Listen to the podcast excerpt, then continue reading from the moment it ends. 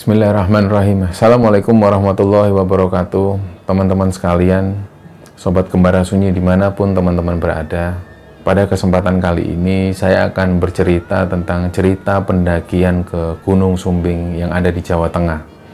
Sebelum kita masuk ceritanya, untuk teman-teman yang baru saja mengenal channel Kembara Sunyi dan baru saja nonton tayangan ini, Yuk subscribe channel ini agar kami lebih bersemangat lagi dalam membuat konten-konten terbaru di Kembara Sunyi. Dan untuk teman-teman sobat Kembara Sunyi yang telah mendukung kami dari subscriber yang masih seribu dan sampai sejauh ini kami mengucapkan terima kasih banyak. Semoga Allah membalas kebaikan sobat-sobat semua.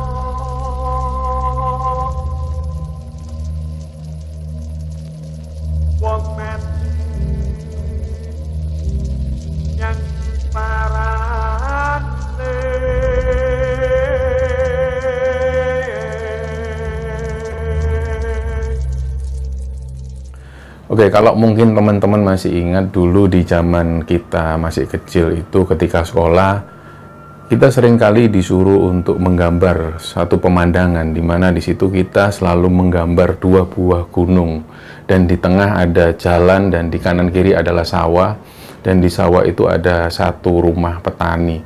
Nah, mungkin kalau teman-teman masih ingat uh, itu adalah Gunung Sumbing dan Sindoro.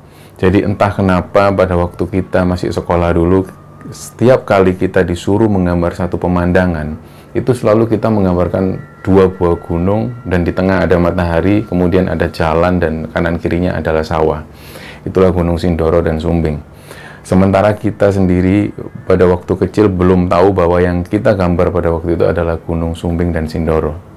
Cerita kali ini akan bercerita tentang Gunung Sumbing Gunung Sumbing sendiri ada di Jawa Tengah dengan ketinggian 3.371 meter di atas permukaan laut.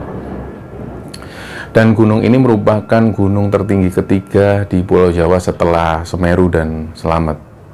Jadi secara administratif, sebenarnya gunung ini masuk di antara kota Magelang, Temanggung, dan Wonosobo. Dan juga di Gunung Sumbing ini bisa kita lalui dari beberapa jalur, di antaranya ada jalur Garung, jalur Powongso, Cepit, Lamuk, juga dari Banaran, dari Butuh, juga dari Mangli.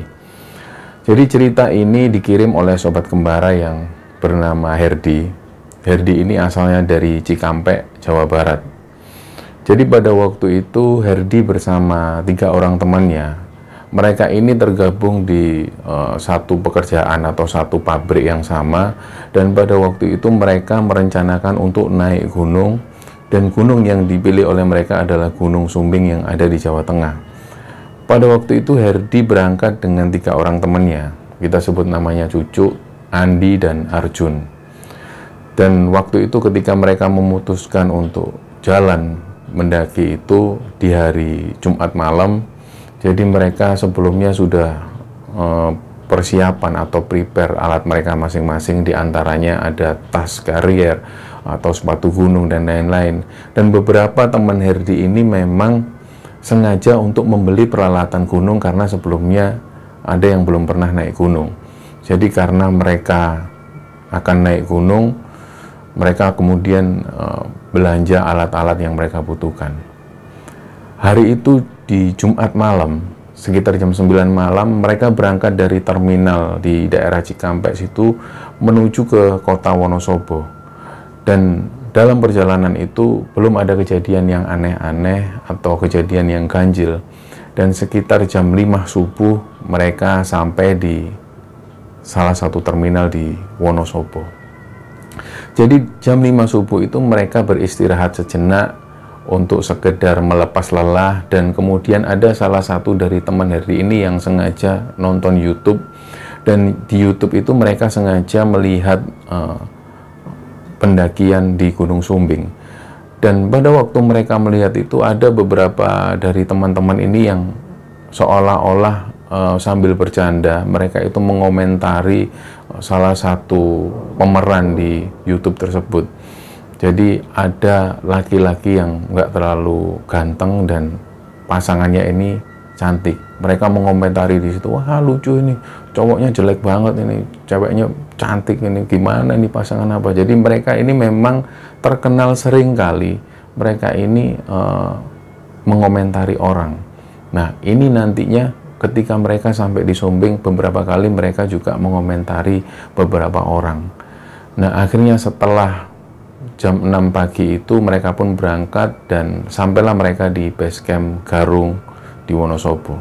Ketika mereka sampai di base camp Sumbing itu, yang mereka lakukan pertama kali adalah mengisi sigmaksi dan dari situ perlengkapan mereka ini dicek ulang oleh petugas yang menjaga di pos perizinan itu.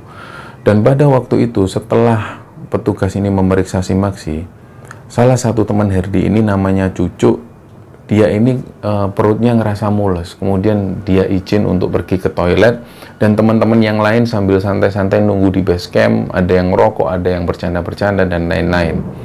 Nah, pada waktu itulah karena mereka ini berasal dari Cikampek yang notabene bahasanya adalah bahasa yang digunakan sehari-hari adalah bahasa Sunda. Jadi pada waktu itu mereka ngobrol dengan bahasa Sunda dan mungkin beberapa pendaki yang ada di sana ini adalah uh, pendaki yang notabene nggak paham dengan bahasa Sunda. Jadi ada memang pengakuan dari Herdi pada waktu mereka saling bercanda itu ada beberapa kelompok pendaki lain itu yang seperti membicarakan kelompok mereka. Mungkin karena ada yang ngomong oh bahasanya roaming, bahasanya nggak paham. Nah pada waktu itu salah satu teman Herdi ini yang namanya Andi, dia ini seolah tersinggung dan marah karena e, mereka ini dibicarakan. Jadi banyak yang membicarakan mereka seolah-olah oh, pakai bahasa apa sih gitu. Mereka ini mungkin ini adalah perasaan Andi. Tadi Herdi juga nggak merasa bahwa mereka ini ngomongin tentang Herdi dan teman-teman. Tapi karena Andi ini memang karakter orangnya temperamen, waktu itu Andi ini seolah-olah marah dan Herdi ini coba tanya, kenapa Andi? Itu teman-teman itu yang ada di depan itu kayaknya ngomongin kita itu. Biar tak samperin aja. Udah nggak usah gitu her. Kita itu di sini mau niatnya mau nangi mendaki gunung. Kita di sini ini untuk menambah teman nambah saudara. Dulu di zaman kakak-kakakku itu senior-seniorku dulu itu ketika naik gunung mereka selalu dapat teman baru. Jadi jangan sampai kita merubah budaya itu. Jangan sampai ketika kita naik gunung kita malah nambah musuh. Janganlah ayo jadi Herdi ini coba menenangkan Andi, kemudian Andi uh, paham dengan apa yang dikatakan oleh Herdi. Nggak lama kemudian cucu yang dari toilet ini kemudian kembali dan dengan wajah yang agak aneh. Jadi dia cucu ini, Loh, kenapa cuk? Jadi pengakuan dari cucu, ketika cucu ini di toilet, cucu ini mendengar seperti ada samar-samar suara uh, gamelan-gamelan Jawa. Jadi menurut pengakuan cucu, lama-kelamaan gamelan ini bertambah dengan banyaknya instrumen musik lain yang itu adalah musik-musik Jawa. Dan cucu ini ingat sedikit-sedikit bahwa dia pernah mendengar suara-suara musik seperti ini ketika dia ada di salah satu kota di Jawa Tengah. Waktu itu dia melihat pertunjukan tari. Waktu itu juga cucu ingat, ini seperti suara pertunjukan tari. Apa mungkin ada orang-orang yang punya pagelaran tari di sini. Jadi setelah cucu keluar, suara yang tadinya ini keras dan terdengar sampai dalam toilet, tiba-tiba nggak terdengar sama sekali dan senyap. Itulah cucu cerita ke teman-temannya bahwa ketika ada di dalam toilet, dia ini mendengar seperti suara gamelan-gamelan Jawa yang dia yakin bahwa itu adalah suara iringan tari-tarian. Jadi ketika ada pagelaran tari, dia masih ingat dia selalu mendengar suara yang seperti ini. Waktu itu teman-temannya juga tanya lagi ke cucu, emang sekeras apa cucu suaranya? Karena kita yang di sini nggak dengar sama sekali. Ya suaranya itu keras banget. Jadi seolah-olah itu di sebelah toilet itu seolah ada pagelaran tari. Makanya ketika aku keluar dari toilet itu dan nggak ada suara aku juga bingung nah karena sudah ada pembicaraan dari cucu seperti itu Herdi ini lagi-lagi menenangkan cucu sudah kita nggak usah terlalu uh, memperlebar masalah ini karena kita belum juga naik. Jadi coba kita tenangkan dulu supaya nanti ketika mendaki itu kita nggak mengalami masalah apa-apa juga kita nggak ada ketakutan apa pun. Nah dari situ mulailah mereka berjalan melanjutkan perjalanan dan perlu diketahui bahwa pendakian di Gunung Sumbing terutama di Via Garung ini dari pos perizinan menuju ke pos 1 itu memang dilalui atau bisa menggunakan ojek. Jadi ada ojek di situ ya sekitar biayanya sekitar 25 sampai 30 ribu yang sering kali atau sering viral di share oleh teman-teman di media sosial. Jadi ojek ini uh, Sopir ojeknya ini selalu berada di belakang dan penumpangnya ada di depan. Jadi penumpangnya ini ada di depan seolah seperti anak kecil.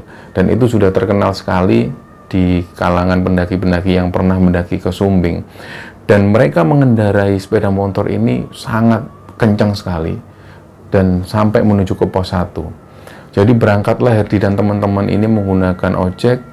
Sesampainya di pos 1, ketika mereka turun dan ojek-ojek ini meninggalkan mereka, Herdi ini melihat ke arah hutan. Ini benar-benar gelap oleh kabut, sementara tempat dia berdiri dan tempat teman-teman mereka berdiri itu masih terang benderang. Jadi sekali lagi Herdi menatap ke arah hutan, itu suasananya kabut tebal dan gelap. Dan di situ Herdi itu melihat ada satu orang yang dandanannya seperti pendaki. Dia ini laki-laki seperti memandang ke arah Herdi dan teman-teman. Nah, waktu itu Herdi ini nggak curiga karena dikiranya ini adalah pendaki karena uh, dandanannya persis seperti pendaki, tapi dia berdiri di atas batu dan memandangi Herdi. Dan nggak lama kemudian pendaki ini membalikkan badannya, kemudian masuk ke arah hutan dan nggak terlihat lagi karena pada waktu itu kabut tebal sekali. Dan setelah itu uh, mungkin pada waktu itu Herdi dan teman-teman ini lupa berdoa, jadi mereka lanjut jalan, melanjutkan perjalanan dan di tengah kabut yang sangat gelap itu mereka saling bercanda satu sama lain. Jadi pengakuan Herdi pada waktu itu uh, si Cucu dan Arjun ini saling bercanda satu sama lain. Mereka jalan beriringan. Waktu itu Herdi nggak menanggapi teman-temannya karena Herdi melihat suasana pada waktu itu memang agak berbeda karena suasana waktu mereka mendaki itu benar-benar gelap, tertutup oleh kabut dan jarak pandang ini sangat tipis sekali. Mereka jalan kemudian mereka memutuskan berhenti dan istirahat di satu tempat. Istirahatlah mereka yang ternyata ini adalah pos 2. Pos 2 ini menurut pengakuan Herdi ada satu warung di mana warung ini dijaga oleh seorang bapak-bapak. Di situ warung ini nggak ada yang uh, bersinggah di situ. Hanya mereka berempat. Dan ketika mereka datang dipersilahkan oleh bapak-bapak ini duduk. Dan mereka pesan sesuatu. Akhirnya mereka eh, makan-makan uh, dan minum sebentar di situ. Dan sempat ada pembicaraan dengan bapak-bapak penjaga warung ini. Jadi pada waktu Herdi dan teman-teman ini duduk di warung Herdi ini sempat tanya ke bapak-bapak tersebut Pak apa suasananya selalu seperti ini? Selalu gelap dan nggak uh, kelihatan gitu. Tertutup kabut. Oh ya jarang mas. Ini kalau musim-musim tertentu memang kabut ini tebal gitu. Jadi dari tadi ini sudah ada pendaki yang naik nggak pak? Terus bapaknya ini bilang belum ada itu mas. Kalau kemarin ada yang naik tapi kalau hari ini baru rombongan masnya ini. Nah hari ini ingat loh bukannya tadi ada satu pendaki laki-laki yang sudah naik duluan. Terus Herdi tanya ke bapak-bapak ini loh pak Tadi bukannya ada pendaki laki-laki yang naik lebih dulu.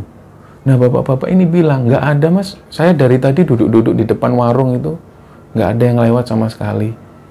Herdi sekali lagi bilang ke bapak-bapak ini, tadi saya lihat pak ada pendaki yang dia ini dandanannya seperti pendaki biasa, kayaknya dia naik sendirian. Dari tadi sekitar setengah jam yang lalu dia berangkat lebih dulu. Karena saya lihat ketika sampai di pos 1, mas-mas pendaki ini berdiri di atas batu. Waktu itu bapak-bapak ini yang lagi ngerokok tiba-tiba diam. Oh, gitu ya mas? bapak-bapak ini bilang seperti itu. Kayak jawabannya ini nggak memuaskan. Oh ya sudah mas, tapi menurut saya saya nggak lihat mas, bapak-bapak ini bilang seperti itu. Oh baik pak kalau gitu. Setelah mereka menghabiskan makan dan minumnya, lanjutlah mereka jalan. Jadi suasana pada waktu itu memang masih gelap. Karena gelapnya ini bukan karena gelap oh, jam yang menuju malam, tapi gelap karena kabut yang tebal. Jadi ketika mereka jalan, lagi-lagi ada satu peristiwa di mana saat itu salah satu teman Herdi ini yang namanya Arjun, dia sempat bilang ketika istirahat di dekat warung itu, dia bilang, aku itu memang belum pernah naik gunung. Arjun bilang seperti itu. Tapi kalau melihat Gunung Sumbing ini, bayangan pertamaku itu Gunung Sumbing ini harus terjal, harus naik yang oh, kita kesulitan medannya. Ternyata ya cuman gini aja ya. Apalagi tadi ada warung. Si Arjun bilang seperti itu. Itulah yang membuat Herdi ini agak uh, agak kaget juga karena dia sempat bilang ke temannya itu Jun kalau bisa nggak usah lah ngomong gitu gitulah apa pun itu kalau kamu memang kuat ya kita jalani aja tapi mengurut pengalamanku tidak perlu kita sesumbar seperti itu di gunung. Arjun sekali lagi menambahkan ya memang iya kan? Kenyataannya memang iya. Bayangin di gunung ada warung kita bisa nongkrong seperti itu. Mungkin nanti di atas juga ada warung lagi. Apalagi jalannya ini nggak terlalu terjal nggak seperti yang tak lihat di YouTube itu kan. Udah udah nggak usah dilanjutin kata Erdi seperti udah nggak usah dilanjutin. Emang kenapa sih? Arjun bilang seperti? Udah nggak usah dilanjutin. Akhirnya mereka pun jalan. Mereka lanjut jalan lagi. Dan posisi Herdi itu memang ada di belakang sendiri. Waktu itu mereka masih ada di dalam kabut yang tebal itu. Mereka jalan pelan. Di depan ini ada batu besar. Dan pada waktu itu, Herdi ini melihat teman-temannya melewati batu itu. Jadi teman-temannya ini nggak memilih jalan yang melipir ke kanan, tapi mereka teman-temannya memilih naik ke batu itu dan sempat foto-foto sebentar di situ. Dan pada saat bersamaan ketika ketiga orang teman Herdi ini setelah melewati batu itu, Herdi ini melihat lagi-lagi ada sosok entah perempuan, entah laki-laki ini berdiri di atas batu tersebut. Herdi sempat menghentikan langkahnya karena tiga orang temannya sudah melalui batu itu, sementara ada satu pendaki yang tiba-tiba naik di atas batu. Waktu itu Herdi sempat menghentikan langkahnya ini pendaki dari mana munculnya? Karena selama kami jalan tadi nggak ada pendaki ini. Tapi kenapa ketika tiga orang temannya melewati batu itu, ada satu orang pendaki yang tiba-tiba naik di atas batu. Waktu itu Herdi diam, menghentikan langkahnya, dan pendaki ini masih menghadap ke arah depan dan nggak menoleh sama sekali. Jadi dia diam aja berdiri. Dan nggak lama kemudian pendaki ini turun dari batu dan lanjut jalan. Karena setelah melihat sosok ini, Herdi nggak berani naik ke batu tersebut, tapi Herdi memilih jalan melipir ke arah kanan. Memang jalannya agak sulit, tapi Herdi lebih memilih ke kanan karena uh, sudah terlanjur melihat yang ganjil di situ. Ketika Herdi jalan pelan, kemudian terlihat teman-temannya nungguin di depan. Jadi tiga orang temannya nungguin di situ. Herdi ini sempat dalam hati berpikir, uh, aku tanya nggak ya ke teman-teman tentang sosok pendaki itu. Kalau aku tanya, sementara mereka nggak lihat, ini akan jadi satu masalah sendiri. Teman-teman akan takut. Akhirnya ketika sampai di teman-temannya, teman-temannya santai, ada yang istirahat sambil selonjorkan badan. Dan di situ Herdi melihat si Andi, temannya ini kakinya seperti uh, keseleo. Waktu itu ditanya oleh Herdi, kakimu kenapa? Di nggak tahu habis lewat batu tadi kok kayaknya keselio mungkin aku turunnya yang terlalu oh, terlalu curam atau gimana?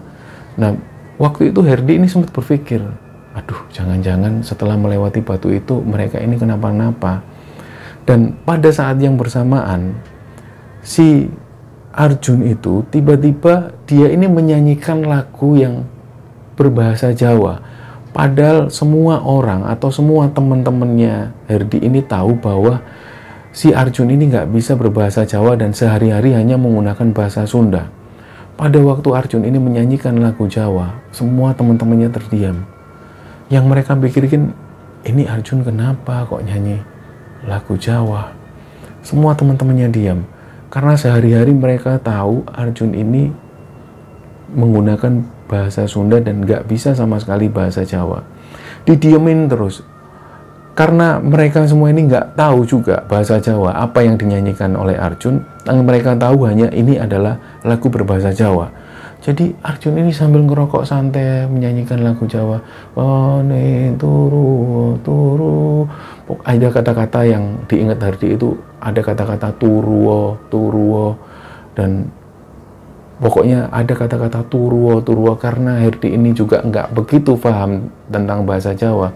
Yang dia ingat adalah turuo turuo terus tiba-tiba cucu ini marah ke Arjun.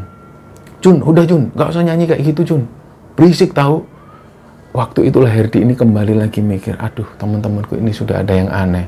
Jadi di tengah hutan yang sepi itu dan apalagi kabut yang sangat gelap jadi banyak sekali hal-hal yang menurut Herdi ini aneh ketika Andi yang kakinya tiba-tiba keseleo, Arjun yang tiba-tiba nyanyi lagu yang berbahasa Jawa, di mana notabene Arjun nggak bisa berbahasa Jawa. Juga pada waktu itu yang cucu tiba-tiba marah ke Arjun, padahal Arjun dan cucu ini adalah sahabat dekat yang nggak pernah sama sekali menunjukkan mereka marah. Tapi pada waktu itu cucu ini tiba-tiba marah ke Arjun. Diam kamu Jun, berisik kamu tuh. Waktu itu Herdi ini coba menenangkan. Eh teman-teman udah yuk kita jalan lagi ini Arjun ini berisik banget nyanyi lagu gak jelas lagu bahasa apa itu.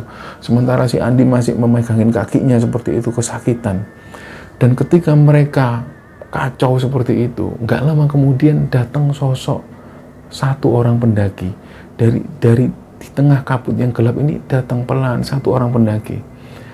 Nah karena pada waktu itu ada satu orang pendaki Herdi ini kemudian menyapa mas Iya mas, kenapa temennya tiba-tiba nunjuk ke arah Andi? Temennya kenapa kakinya? Anu mas tadi ke Seleo. Nah, satu orang pendaki ini kemudian duduk di situ dan mengambil botol minumnya.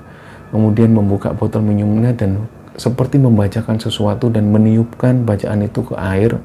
Lalu kemudian uh, air ini dioleskan ke kaki. Dan dia sempat bilang ke Herdi, mohon maaf ya mas, saya melakukan ini Iya nggak apa-apa mas. Jadi teman-teman semua ini cuma melihat ke pendaki ini. Mereka semua ini nggak tahu tiba-tiba ada pendaki yang datang dan tiba-tiba membeli pertolongan seperti itu. Nah, yang art, yang Herdi ingat pada waktu itu adalah tas keril yang dipakai oleh pendaki ini adalah tas yang berwarna merah. Dan Herdi ingat betul, pendaki ini adalah pendaki yang dilihat Herdi pertama kali di pos 1 Inilah yang membuat Erdi diam dan gak berani ngomong apa pun sambil melihat terus ke arah pendaki ini. Ketika itu juga setelah selesai, pendaki ini tanya, rombongan dari mana mas? Oh dari Cikampek mas, Jawa Barat. Oh masnya dari mana? Saya dari sini aja. Oh ya pikiran Herdi pada waktu itu, oh mungkin dari daerah sini, mungkin dari daerah Wonosobo, Magelang dan sekitarnya. Jadi lagi-lagi pendaki ini menunjukkan gelagat yang aneh. Dia cuma nunduk seperti itu. Dan gak lama kemudian pendaki ini, dia pamit. Ya sudah mas, saya pamit ya, saya jalan dulu.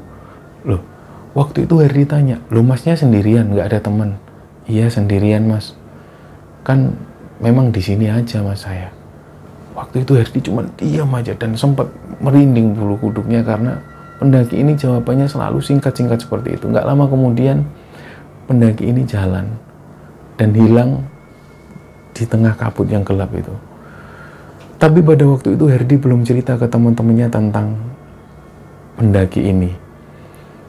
Jadi Herdi ini masih menyimpan hal ini. Herdi sebenarnya tahu bahwa yang dilihat ini adalah pendaki yang dilihat pertama kali di pos 1. Yang seharusnya kalau memang ini adalah pendaki benar, seorang pendaki, harusnya dia sudah jauh ke atas dia sudah naik lebih dulu. Tapi kenapa dia muncul tiba-tiba dari arah bawah? Waktu itu Herdi bilang ke teman-temannya yuk kita lanjut jalan yuk. Langsung ke menuju ke pos 3 mumpung belum gelap. Oke mereka pun jalan. Jadi sepanjang jalan pada waktu itu Herdi melihat kaki Andi ini yang tadinya keseleo jalan terpatah-patah tiba-tiba jalan normal seperti biasa. Herdi sempat tanya ke Andi ini gimana kakimu nih udah udah lumayan kok udah enakan nggak tahu tadi dibacain apa ya kok tiba-tiba nggak sakit sama sekali mereka pun lanjut jalan dan sebelum sampai ke pos 3 itu di tengah perjalanan si si cucu ini tiba-tiba uh, tangannya bergerak-gerak sendiri seperti seorang penari. Waktu itu mereka nggak ada yang sadar sama sekali ketika tangan cucu ini bergerak-gerak. Tapi mereka baru sadar ketika mereka kembali beristirahat di satu pohon di situ. Mereka duduk di situ. Tiba-tiba cucu ini diam sendiri dan menggerakkan tangannya pelan-pelan seperti seorang penari. Waktu itu Herdi ini coba nyenggol ke arah Arjun. Jun, lihat cucu, cucu. Waktu itu cucu cuma diam hanya menari seperti itu, menari, menikmati seperti seorang penari yang menikmati gerakannya. Jadi terus ini berlalu dan cucu ini hanya memejamkan matanya sambil menatap sekali gitu. tangannya digerak-gerakkan seperti itu. Jadi teman-teman yang ada di situ cuma diam dan menunduk melihat gelagat aneh cucu. Karena mereka yakin gak mungkin cucu ini melakukan hal seperti ini. Karena cucu yang dikenal oleh teman-teman ini cucu ini orangnya cuek dan gak pernah sekalipun melakukan hal-hal konyol seperti itu. Apalagi tadi pada waktu di base camp semua teman-teman ini mendengar cerita tentang cucu bahwa cucu mendengar suara seperti pagelaran tari. Dan hal itu berlangsung lama, hampir lima menit cucu ini memejamkan mata sambil menggerakkan tangannya seperti seorang penari. Dan gak lama kemudian, cucu ini berhenti dan noleh ke arah teman-temannya, terus ngambil rokok, cucu ini ngerokok. Herdi ini sempat tanya, Cuk, ngapain Cuk tadi kok gerak-gerak kayak nari aja? Nari apaan sih? Cucu bilang seperti itu. Si Arjun yang merupakan sahabat cucu dia bilang cuk lu yang bener lah cuk. Nggak usah bercanda gitu cuk. Kamu tadi kayak seorang penari kamu gerak-gerakin tanganmu sendiri. Enggak kalian ini ngomong apa sih? Ngapain aku kayak gitu? Nah belum selesai ngomong seperti itu tiba-tiba semua empat orang ini mendengar seperti suara gamelan-gamelan dan persis mereka yakin kalau itu seperti ada sebuah pagelaran tari-tarian di situ. Jadi badang dong dong dong dong dong dong dong dong dong dong dong dong dong. Jadi seperti tarian-tarian yang megah seperti itu mereka empat orang ini mendengar suara itu dan mereka cuma hanya bisa diam dan Herdi bilang, ayo kita lanjut jalan. Mereka pun melanjutkan perjalanan dan suara ini masih terdengar samar-samar. Kemudian baru mereka sampai di pos 3, suara ini tiba-tiba menghilang di pos 3 itu Herdi ini agak sedikit lega karena di situ ada beberapa pendaki yang ada sekitar dua tenda di situ yang bermalam di pos 3 mereka pun mendirikan tenda di situ. Dan ketika mendirikan tenda hari sudah mulai gelap. Ketika mereka selesai masak dan melanjutkan untuk tidur tiba-tiba cucu ini keluar dari tenda. Dia bilang mau buang air kecil. Waktu itu teman-teman membiarkan dan gak lama kemudian hujan ini tiba-tiba deras. Hujan turun dengan derasnya tawar sampai ada petir dan lain-lain. Nah teman-teman ini kepikiran cucu yang ada di luar. Wah cucu ini pasti kehujanan ini. Coba cariin. Nah begitu teman-teman ini mau buka tenda ini hujan ini begitu lebat. Jadi saking lebatnya sampai teman-teman ini nggak nggak berani buka tenda. Dan tenda ditutup lagi udahlah ditungguin aja mungkin dia berteduh di satu pohon. Dan hujan ini sekitar 2 sampai 3 menit kemudian reda. Dan setelah reda, cucu ini datang dan buka tenda. Lucu, kamu kok gak basah? Jadi ternyata cucu ini gak basah sama sekali. Dan cucu ini juga heran. Basah emangnya kenapa? Lu barusan kan hujan deras. Hujan deras sampai petir. Semua orang ini ngeliat. Semua orang ini dengar. Nah, kalian ini ngigau atau gimana? Aku di luar itu gak hujan sama sekali. Nah, pengakuan cucu ternyata ketika cucu keluar dari tenda ini nggak hujan sama sekali sementara tiga orang teman-temannya yang ada di dalam tenda ini mendengar suara hujan yang begitu deras bahkan sampai diiringi oleh petir waktu mereka waktu itu mereka berempat ini juga heran dengan kejadian yang dialami pada malam itu jadi mereka ini saling berdebat satu sama lain Enggak, cuk, kamu bohong. Lu, kalau aku bohong, pasti aku udah basah kuyup. Nyatanya aku kering seperti ini. Baju-bajuku kering. Aku mau berteduh di mana? Di luar nggak ada uh, tempat berteduh sama sekali. Iya, tapi kita bertiga itu saksinya. Kita bertiga benar-benar merasakan bahwa baru aja hujan yang deras dan ada petir. Ya udahlah, mungkin kita ngalami satu yang aneh di sini. Udah kita tidur aja. Malam itu mereka tidur dan kembali mereka mendengar seperti ada suara pagelaran tari yang begitu megah. Dung, dung. Nah karena pada waktu itu mungkin mereka capek, mereka lanjutkan tidur. Pagi harinya mereka bersiap-siap, singkat cerita mereka menuju ke puncak. Dan sesampainya di puncak mereka foto-foto sebentar dan menikmati pemandangan yang ada di atas. Gak lama kemudian mereka turun dan melanjutkan perjalanan lanjut ke pos 2. Sesampainya di pos 2, mereka melihat warung yang kemarin mereka datangi itu warungnya tutup dan nggak ada orang sama sekali. Singkat cerita mereka pun langsung turun menuju ke pos 1. Sesampainya di pos 1, ketika tukang ojek ini datang, mereka kemudian berkemas-kemas menaikkan tas ransel dan lain-lain. Pada waktu itu entah kenapa, Herdi ini ingin sekali melihat ke arah hutan. Jadi sebelum ojek ini berangkat, Herdi ini sekali lagi noleh ke arah hutan dan benar. Di dalam hutan itu persis di atas batu ada berdiri sosok pendaki laki-laki dengan pakai tas merah. Dia ini cuma dia memandangi Herdi dan teman-teman. Waktu itu Herdi tiba-tiba merinding seluruh badannya karena melihat pendaki ini adalah pendaki yang menolong mereka pada waktu mereka ada di atas. Jadi pendaki inilah yang memberi doa-doa kepada si Andi dan Herdi pada waktu itu belum tahu siapa pendaki yang misterius ini. Tapi ketika Herdi dan teman-teman mau pulang, Herdi ini melihat sosok pendaki ini berdiri di atas batu sambil memegang tasnya dan dengan pandangan kosong melihat ke arah Herdi dan teman-teman. Dan pada waktu itu Herdi menatap lagi ke arah depan dan bersiap untuk berangkat. Ketika sepeda motor di starter dan bersiap berangkat, Herdi sekali lagi melihat ke arah belakang dan pendaki ini nggak ada. Pada waktu itulah, ayo pak jalan pak, Herdi bilang seperti itu. Dan mereka melanjutkan perjalanan sampailah mereka di base camp. Di base camp inilah kemudian mereka bercerita satu sama lain bahwa memang ketika Andi, sebelum Andi ini merasakan kakinya keseleo, Andi ini memang sempat seperti setelah naik ke batu itu dan ketika turun, Erdi ini seperti ada yang mendorong kakinya dengan benda keras. Entah apa benda keras itu, tapi ketika Andi itu melihat benda itu nggak ada, tapi yang dirasakan kakinya tiba-tiba keseleo seperti itu. Dan pada waktu itu, ternyata cucu itu dia mengalami uh, sebelum dia merasakan tari-tarian seperti itu, si cucu ini melihat ada seorang perempuan yang baru turun dari atas.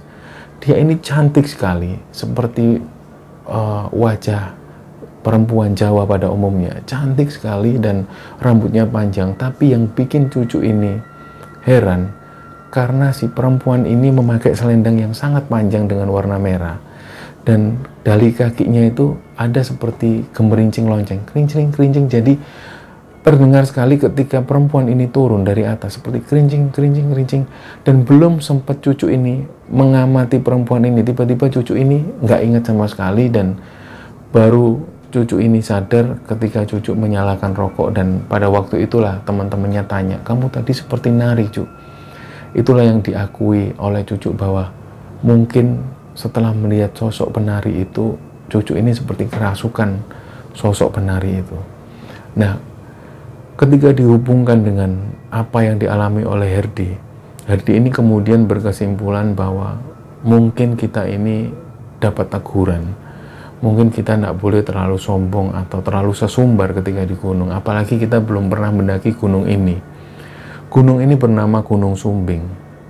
Bisa jadi ada yang cerita di legenda pada masa-masa itu ada dua orang anak yang salah satu orang anaknya ini nakal sekali kemudian oleh ibunya dihukum dengan sangat keras sampai-sampai pukulan ibunya ini mengenai bibirnya sampai kemudian menyebabkan laki-laki ini atau anak ini sumbing. Jadi peristiwa itu terjadi di gunung tersebut kemudian gunung ini dinamai dengan Gunung Sumbing dan salah satu saudaranya adalah Gunung Sindoro yang letaknya berdekatan dengan Gunung Sumbing. Inilah cerita yang bisa dibagikan oleh Herdi dan teman-teman. Kami mengucapkan terima kasih kepada Herdi dan teman-teman yang sudah membagikan kisah ini. Semoga kisah ini bisa diambil pelajaran dan bisa diambil hikmah oleh teman-teman sekalian. Terima kasih, mohon maaf kalau ada salah-salah kata. Salam lestari. Wassalamualaikum warahmatullahi wabarakatuh.